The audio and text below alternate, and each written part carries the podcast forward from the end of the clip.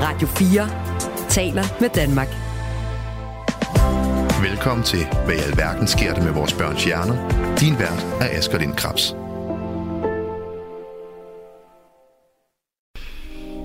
Jamen, altså, vi så jo ingenting dengang andet end, at nu når jeg ser tilbage, kan jeg se, at der var måske en, et lille, altså, det var et ekstra aktivt barn, vi havde. Jeg spurgte en gang i børnehaven, skal jeg være bekymret for noget her? Og de var bare sådan, nej, nej, nej, der er masser af børn, der er meget aktive, så det skal du overhovedet ikke. Der er ingenting, vi ser ikke noget.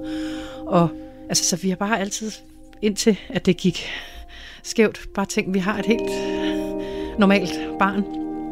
Og, øhm, og så var det først sådan løbende de første år i skolen, at det begyndte at blive værre og værre, men så gik det rigtig, rigtig stærkt. Og det er skræmmende, at det lige pludselig kan gå så hurtigt. Og faktisk også, altså, at det er skræmmende, at, at der så ikke er nogen, der ved noget om det, og der ikke er, er hjælp. Altså, det er jo det, jeg håber på at kunne udbrede, at man kan se nogle tegn lidt hurtigere, så man kan gøre noget. Fordi det, det er meget skræmmende, når det går fra at være et glad normalt barn til lige pludselig at være meget voldsom og udadreagerende, så meget som man bliver smidt ud af skolen og bliver, altså ender på den lukkede børnepsykiatriske afdeling.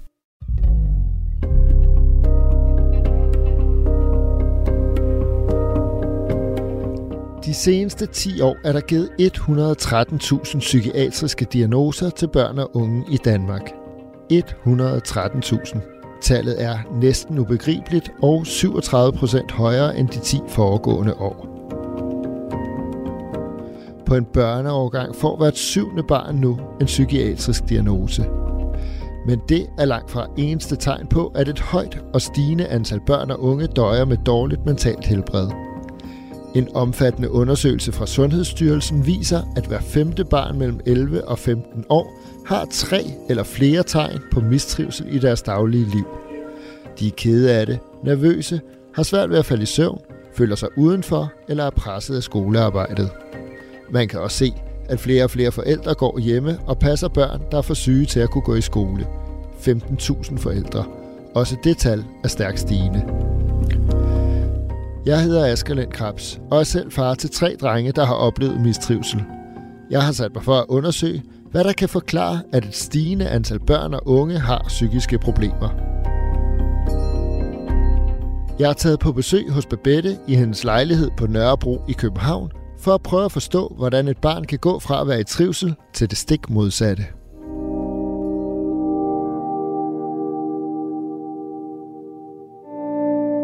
Hej Babette, tusind tak fordi at jeg måtte komme her. Vi står i din lejlighed og kigger på en, en billedvæg ja. med, med dine to børn. Øh, blandt andet Max. Ja, det startede faktisk med, at Max kom hjem fra en koloni, der er de der sommerkolonier, øhm, og spurgte, mor, tror du, jeg har ADHD? Så sagde jeg, det ved jeg ikke, men det kan vi jo undersøge. Så jeg gik hen til skolen, naturligt, og spurgte. Max han spørger om det her, altså, og der har jo været nogle lidt udfordringer, så, så kan vi undersøge det her?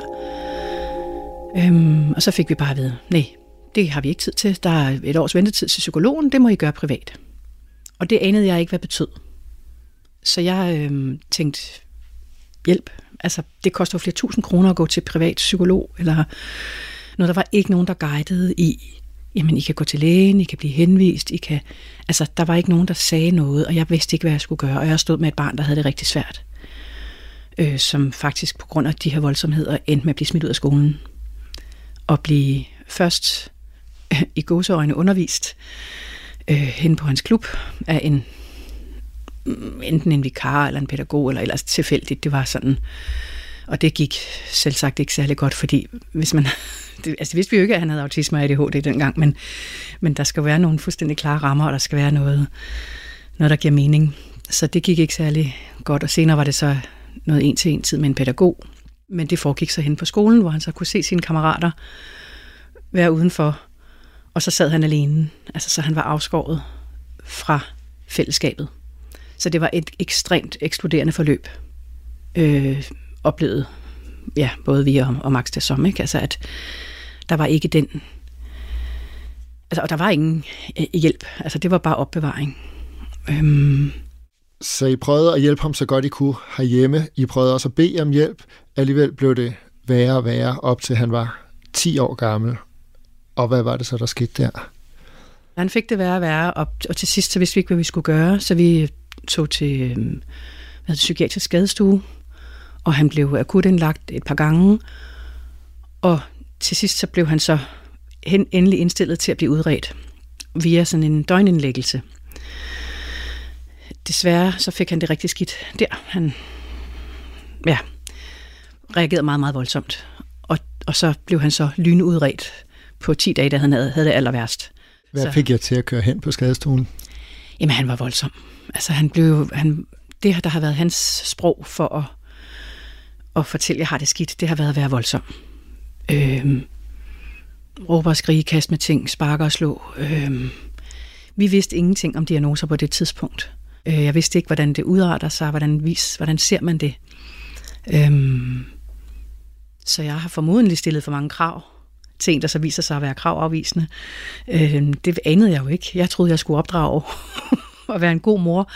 Øhm, sige, nu skal du tage sokker på, for vi skal ud. Og, altså, det kender jeg altid. det er jo det. Det kender jeg jo så også nu. Altså, nu kender jeg jo alt til at bakke og, og lægge altså en blød dyne hen over tingene, kan man sige, ikke for at skabe ro. Og det kendte jeg ingenting til. Så han blev voldsom der, og så øh, fik han de der diagnoser rigtig hurtigt. Vi blev sendt hjem med alle de her diagnoser, øhm, og så blev vi overladt til os selv. Det var ikke så øh, særlig nemt. Men det var faktisk først, da både Max øh, sagde, jeg kan ikke holde det ud, jeg, jeg vil ikke mere, jeg, jeg vil væk mange gange, og vi så også sagde, vi kan ikke mere.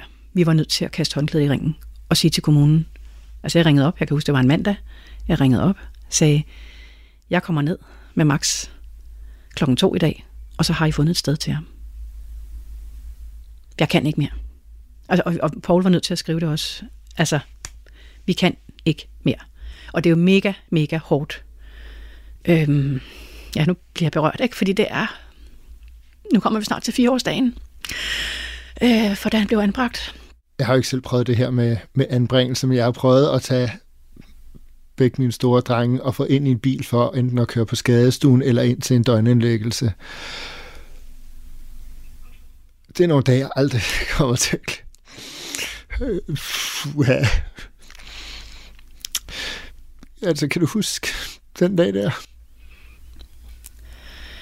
Ja, det kan jeg godt. Og det er som om ens barn dør. Men man har ikke lov til at sørge, for der er ikke tid til det, for man skal tage sig af barnet stadigvæk.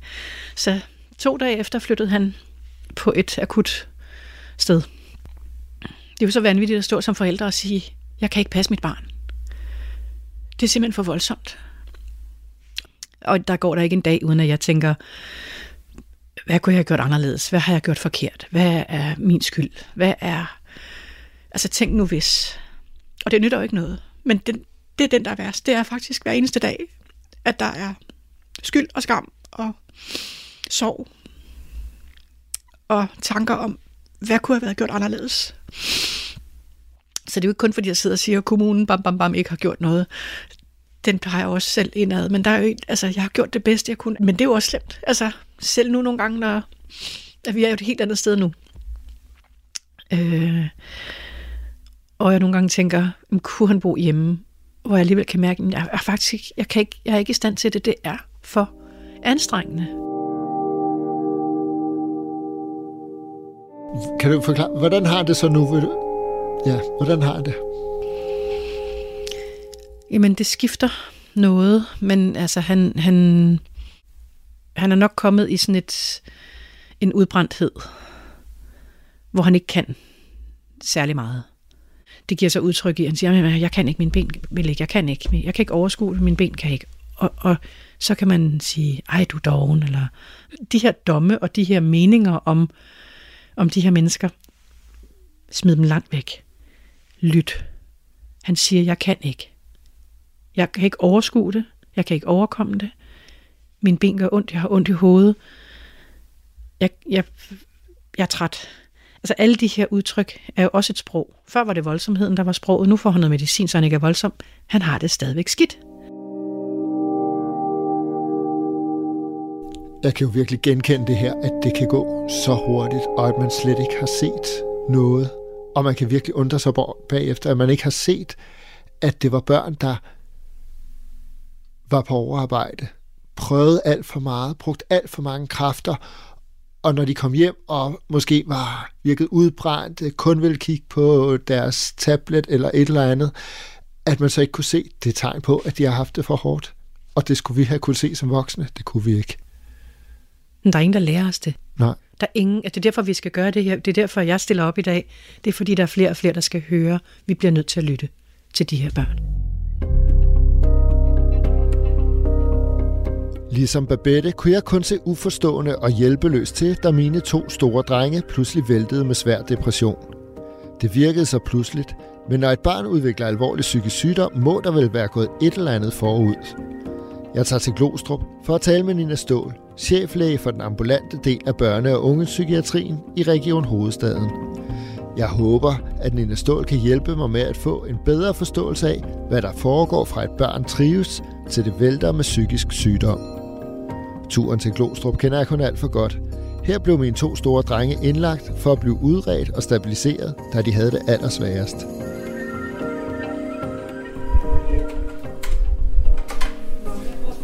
Hej, vi kunne lige høre stemmer derinde, så vi tænkte lige, vi skal sidde der. Du Nina? Ja, det er mig, der er Nina. Jeg hører, jeg. Hej, Nina. Det er vores, en af vores mindst, øh, hvad kan man sige, attraktive lokaler her. Men det får I lov at se. Det skal jo ikke filmes. Det er jo bare lyd, så... Øh, Så det er jo det. Jamen, hej Nina, og tak fordi du har tid til at se mig. Helt overordnet på børne- og ungepsykiatrien. Hvad er det så for nogle børn og unge især og møder? Grundlæggende kan man sige, at de børn og unge, der kommer her, har jo ofte haft vanskeligheder i mange år. Medmindre de debuterer meget voldsomt med en øh, voldsom psykose eller svær øh, selvmordstanker, som gør, at de kommer ind akut øh, pludseligt. Ikke? Men, øh, men ellers sådan, de, de sådan almindelighed, sådan største mængde af de børn og unge, vi får ind, har jo haft vanskeligheder og udfordringer i en eller anden grad i en del år. Altså, der er jo lavet statistik på det, man siger jo op til fem år faktisk, at børnenes vej øh, fra udfordringerne starter til de lander hos os. Og nogen vil måske så sige, jamen, børn har jo altid været forskellige, og drenge har vel altid været lidt nogle vilde Lidt mere vilde, ja. og, og sådan, øh, er det bare os som samfund, der er blevet for intolerante over for, at børn er forskellige? Nej, jeg tror, altså, det gør vi jo faktisk et stort nummer ud af i psykiatrien, at, at hele tiden holde fast i, at selvfølgelig er børn forskellige. Man må gerne være en vildbasse, man må også gerne være urolig, man må også gerne være lidt skæv i forhold til andre. Hvis man har det godt, altså hvis man kan fungere, og ens funktionsniveau ikke har lidt under det, at man kan gøre det, man skal, og man trives, så må man gerne. Dem, der kommer ind hos os, er jo børn og unge, der ikke trives de er i mistrivsel, og ikke bare den tidlige mistrivsel, som kan måske klares med samtaler ved skolepsykolog, eller lidt hjælp til forældrene om, hvordan de skal håndtere, eller sådan noget, men, men hvor det er blevet så massivt, at, at der er et funktionsniveau, der ikke kan honorere en, en hverdag, som den ser ud i dag ikke, i 2023. Er der flere børn og unge, der har fået det dårligere mentalt de seneste år? Altså man kan sige, hvis man kigger på henvisnings flowet til os i børne- og ungdomspsykiatrien i den ambulante afdeling, hvor jeg sidder, der har vi jo set en stigning fra 14, 2014 frem til i dag, som er jo, altså, det er over en fordobling. Og det er antallet af henvisninger, der er godkendte, som vi tager ind. Det vil sige, det er børn og unge, vi tænker, har et fun- hvor, hvor henvisningen er beskrevet, og der er et funktionstab, der gør, at vi tænker, dem skal vi kigge på. Øhm, så, så så ja, der er jo flere, der har fået det dårligt, som kommer ind til os og bliver henvist til os. Men igen tænker jeg, at det er, der er mange ting i det. Men det er også det her med, at vi er blevet bedre til at spotte det tidligt, ikke? Og at der er nogle strukturer i samfundet, der presser børn og unge. Altså alt det her med sociale medier, perfekthedskultur, Øhm, og vi tænkte jo, altså i starten af 18, 19, 20 med corona, at der tænkte vi, der så, men så vi jo, at det steg også under corona, men stigningen har faktisk været der inden os, og den fortsætter. Så det har ikke kun noget med corona at gøre. Vi havde faktisk håbet, at den ville falde lidt efter corona, og der blev åbnet op, altså, fordi det, har, det er jo ikke godt for børn og unge. Det er meget få, der synes, det er rart at sidde hjemme på værelset alene og kan holde til det i længden. Øhm, og miste de der sunde fællesskaber, som også er rigtig vigtige. Ikke? Men vi har faktisk ikke set, at det er faldet, desværre. Vi, det, det er stadig sådan enten stationært eller lidt stigende. Men kan de her stigende tal ikke lige så godt være et udtryk for, at man er blevet bedre til at finde børnene, hjælpe dem, give dem en diagnose, hvis de har brug for det, frem for at der er tale om en reel stigning i mistrivsel? Altså, der er kommet en øget grad af mistrivsel på flere fronter. Tidligt i skoler og så videre, og i den tungere ende inde hos os. Øhm, og grundene til det er vi jo ved at undersøge. Altså, for eksempel er der begyndt at komme studier så småt nu, der viser, hvad skærmtid for eksempel betyder for børn og unge, at det kan give ADHD-lignende symptomer, som jo ikke er en biologisk betinget ADHD, som vi kender den normalt, men som er simpelthen, fordi det er en hjerne, der aldrig slapper af. Øhm, og altså, der begynder at komme sådan nogle ting, der indikerer det her med skærmtid og sociale medier, og, øhm, og når man taler med de unge, så kan de også selv sige det her med at være på hele tiden, og den her perfekthedskultur, og vi har set en stor stigning, i, det er faldet lidt ned igen, men vi har set en stor stigning tidligere i spiseforstyrrelser for eksempel, som også handler meget om den her perfekthedstænkning og kontrol, ikke? Og, og så videre. Så, øhm, og dem, der så har udfordringer med trivselen, er det nogle andre former for udfordringer? Er de mere alvorlige end det, man har set tidligere blandt børn og unge? Vi synes, at vi ser en større kompleksitet, når de lander hos os. Altså det vil sige kompleksitet på den måde, at vi har også børn og unge, som kun har én diagnose, men der er flere og flere, der har to, for eksempel ADHD og autisme, eller øh, angst og autisme. Øh, så vi har flere og flere øh, børn og unge, der har mere end én diagnose, altså hvor kompleksiteten er steget. Men det er også fordi, at i dag, når man kommer ind i børne- og ungdomspsykiatrien, så er man typisk mere syg, end man måske var for 10 år siden. Altså, fordi vi har også en anden målgruppebeskrivelse, end vi havde dengang. Dengang kom børn og unge ind med det, vi måske i dag kalder lettere mistrivsel, øh, som ikke kommer ind hos os i dag. Okay. Så når I ser et stigende antal psyki- patienter i børnepsykiatrien, så er det ikke fordi, I har sænket tærsklen mm. for, hvem I ser tværtimod, eller hvordan?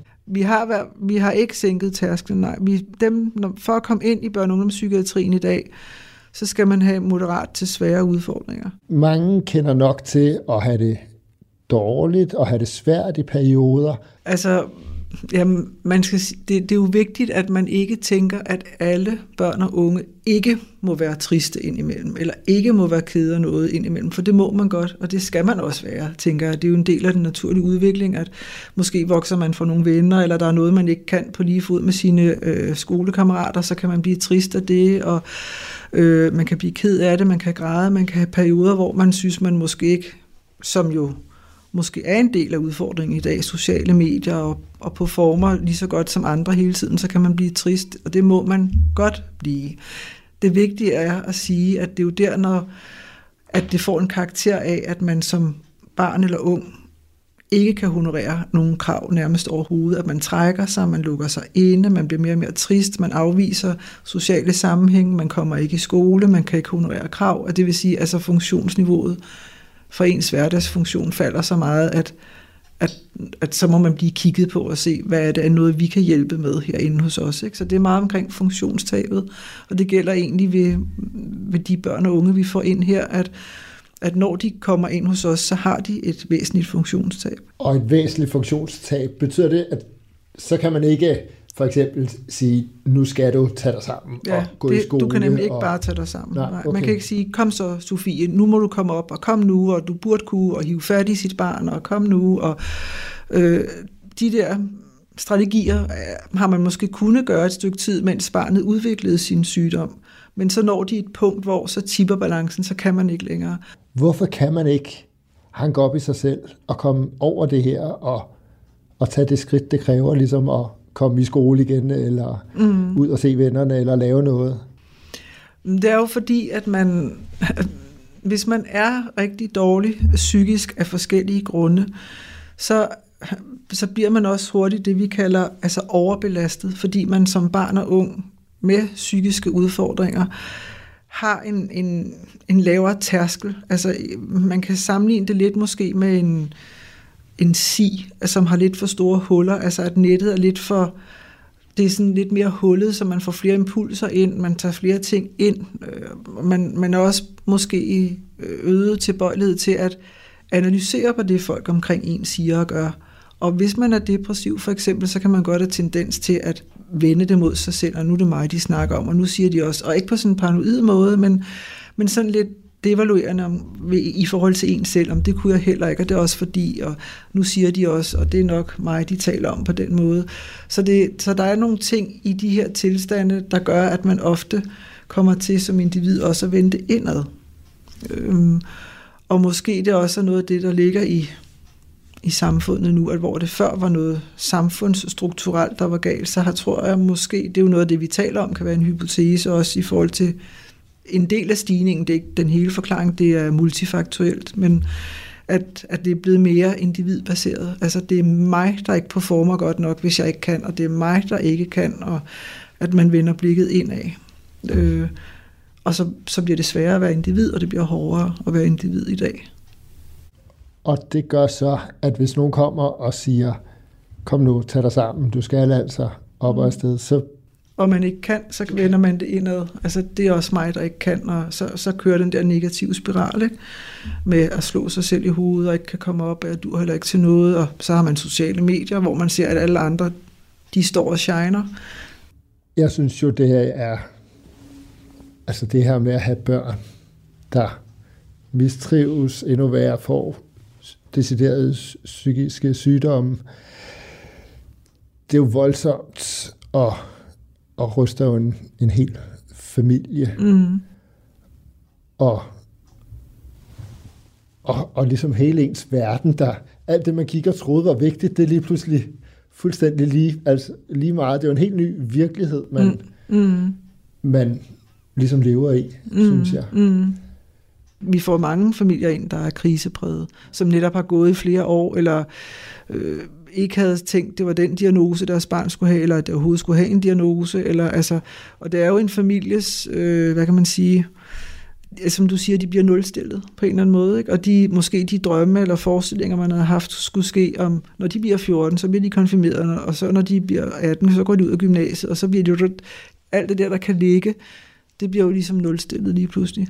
Så, så for folk er i krise, mange af dem, ja, det er de.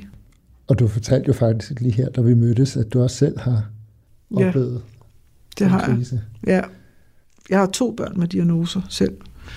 Øhm, en pige, der fik en ADHD-diagnose som 8-årig, og så en dreng, der her som 16-årig for et år siden fik en skizofreni.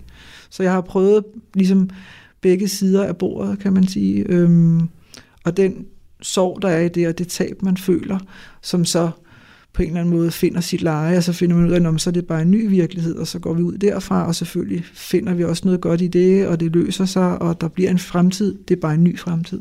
Ja, der er en stor mental øvelse i, i det også, synes jeg. Ja. Også som forældre. Ikke? Og... Jo. Der er noget soveproces, ikke? Lige vel, der, og det skal man jo ikke glemme, det er der jo også for patienterne, altså jo ældre de bliver, at man ikke er en del af øh, det, de opfatter som den nogle gange snævre normal gruppe, ikke? normalitetsforståelse. Så det er, jo også hos, det er der jo også hos vores patienter, altså, og hos familierne, forældrene. Ja, på forskellige måder. Jeg tænker nogle gange på min farmor, der sagde, børn de skal have kærlighed og kærlighed og kærlighed, og så skal de have noget mad. ja, ja, ja. Altså, kærlighed er ikke nok. Og så pædagogik er heller ikke nok, og det er derfor, det er jo lidt det her med, om man giver for lidt eller for mange diagnoser. Altså hvis man underdiagnostiserer for meget, så risikerer vi at tabe nogen, der ikke får den rigtige hjælp, og som bliver ved med at udvikle sig og få det dårligere og dårligere, fordi kærlighed og pædagogik er ikke nok, hvis man er hvis man har en psykiatrisk problemstilling, så skal der noget mere til. En anden forståelse, både i den pædagogiske ramme omkring barnet, men måske skal der også noget kemi til i form af medicin, og måske skal der også noget terapi til, både til barnet, den unge og familien, af flere omgange i virkeligheden, fordi det er jo noget, der følger i år, altså i flere år. Vi, vi, vi trykker jo ikke på en stopknap, når barnet er udredt og så videre, det, og vi er jo, har jo med et speciale at gøre, hvor de udvikler sig over tid, ikke? så, så øhm, vi skal jo hele tiden justere behandlingen ind, både den medicinske og den terapeutiske og det pædagogiske i nærmiljøet og sådan noget. Jeg synes, at jeg er blevet meget klogere nu på at forstå problematikkens omfang og hvad det er, vi ser hos børn og unge i dag. Jeg har jo et mål i den her podcast om også at undersøge, hvad har vi af mulige forklaringer på den her stigende mistrivsel. Hvis du skulle øh, give mig et godt råd med på vejen, hvor vil du gå hen og, og kigge efter de her øh, mulige forklaringer? Altså som, som jeg tidligere har nævnt kort, tror jeg, så er der jo begyndt at komme nogle studier, der viser noget omkring skærmtid for eksempel. Så det tror jeg, jeg vil holde lidt øje med. Øh, hvad betyder det for børn og unge, at de er så meget på skærm? Hvad betyder sociale medier i det hele taget? Altså påvirkningen fra sociale medier? Så er det også noget med, med, med skolerne og Jamen kigge på, hvordan man er sammen der, og hvor store, altså hvor mange er der i klasserne, og hvor mange er der i, døgnist, altså i daginstitutioner for eksempel, ikke? hvor mange voksne er der, hvor få voksne, helt ned til det lille barn, altså hvor der er noget med tilknytning og, og sådan noget, og stabile voksne, og sådan, det tror jeg også har en, kan have en betydning for nogen. Så jeg tror, man, man skal kigge på det i altså flere lag, faktisk, helt ned til institutionsniveau op, og ligesom vende bøtten lidt og tænke, hvad, hvad kan vi gøre anderledes?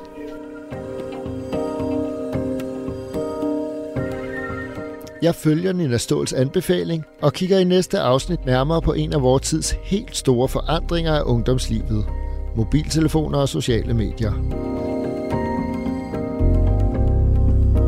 Jeg har fået en mail fra Josefine.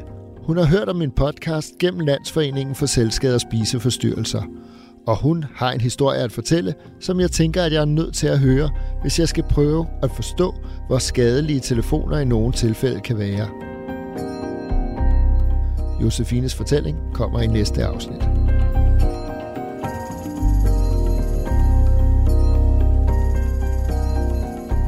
Denne serie er produceret af Rasmus Benson og mig, Asger Lindkrabs. Du lytter til Radio 4.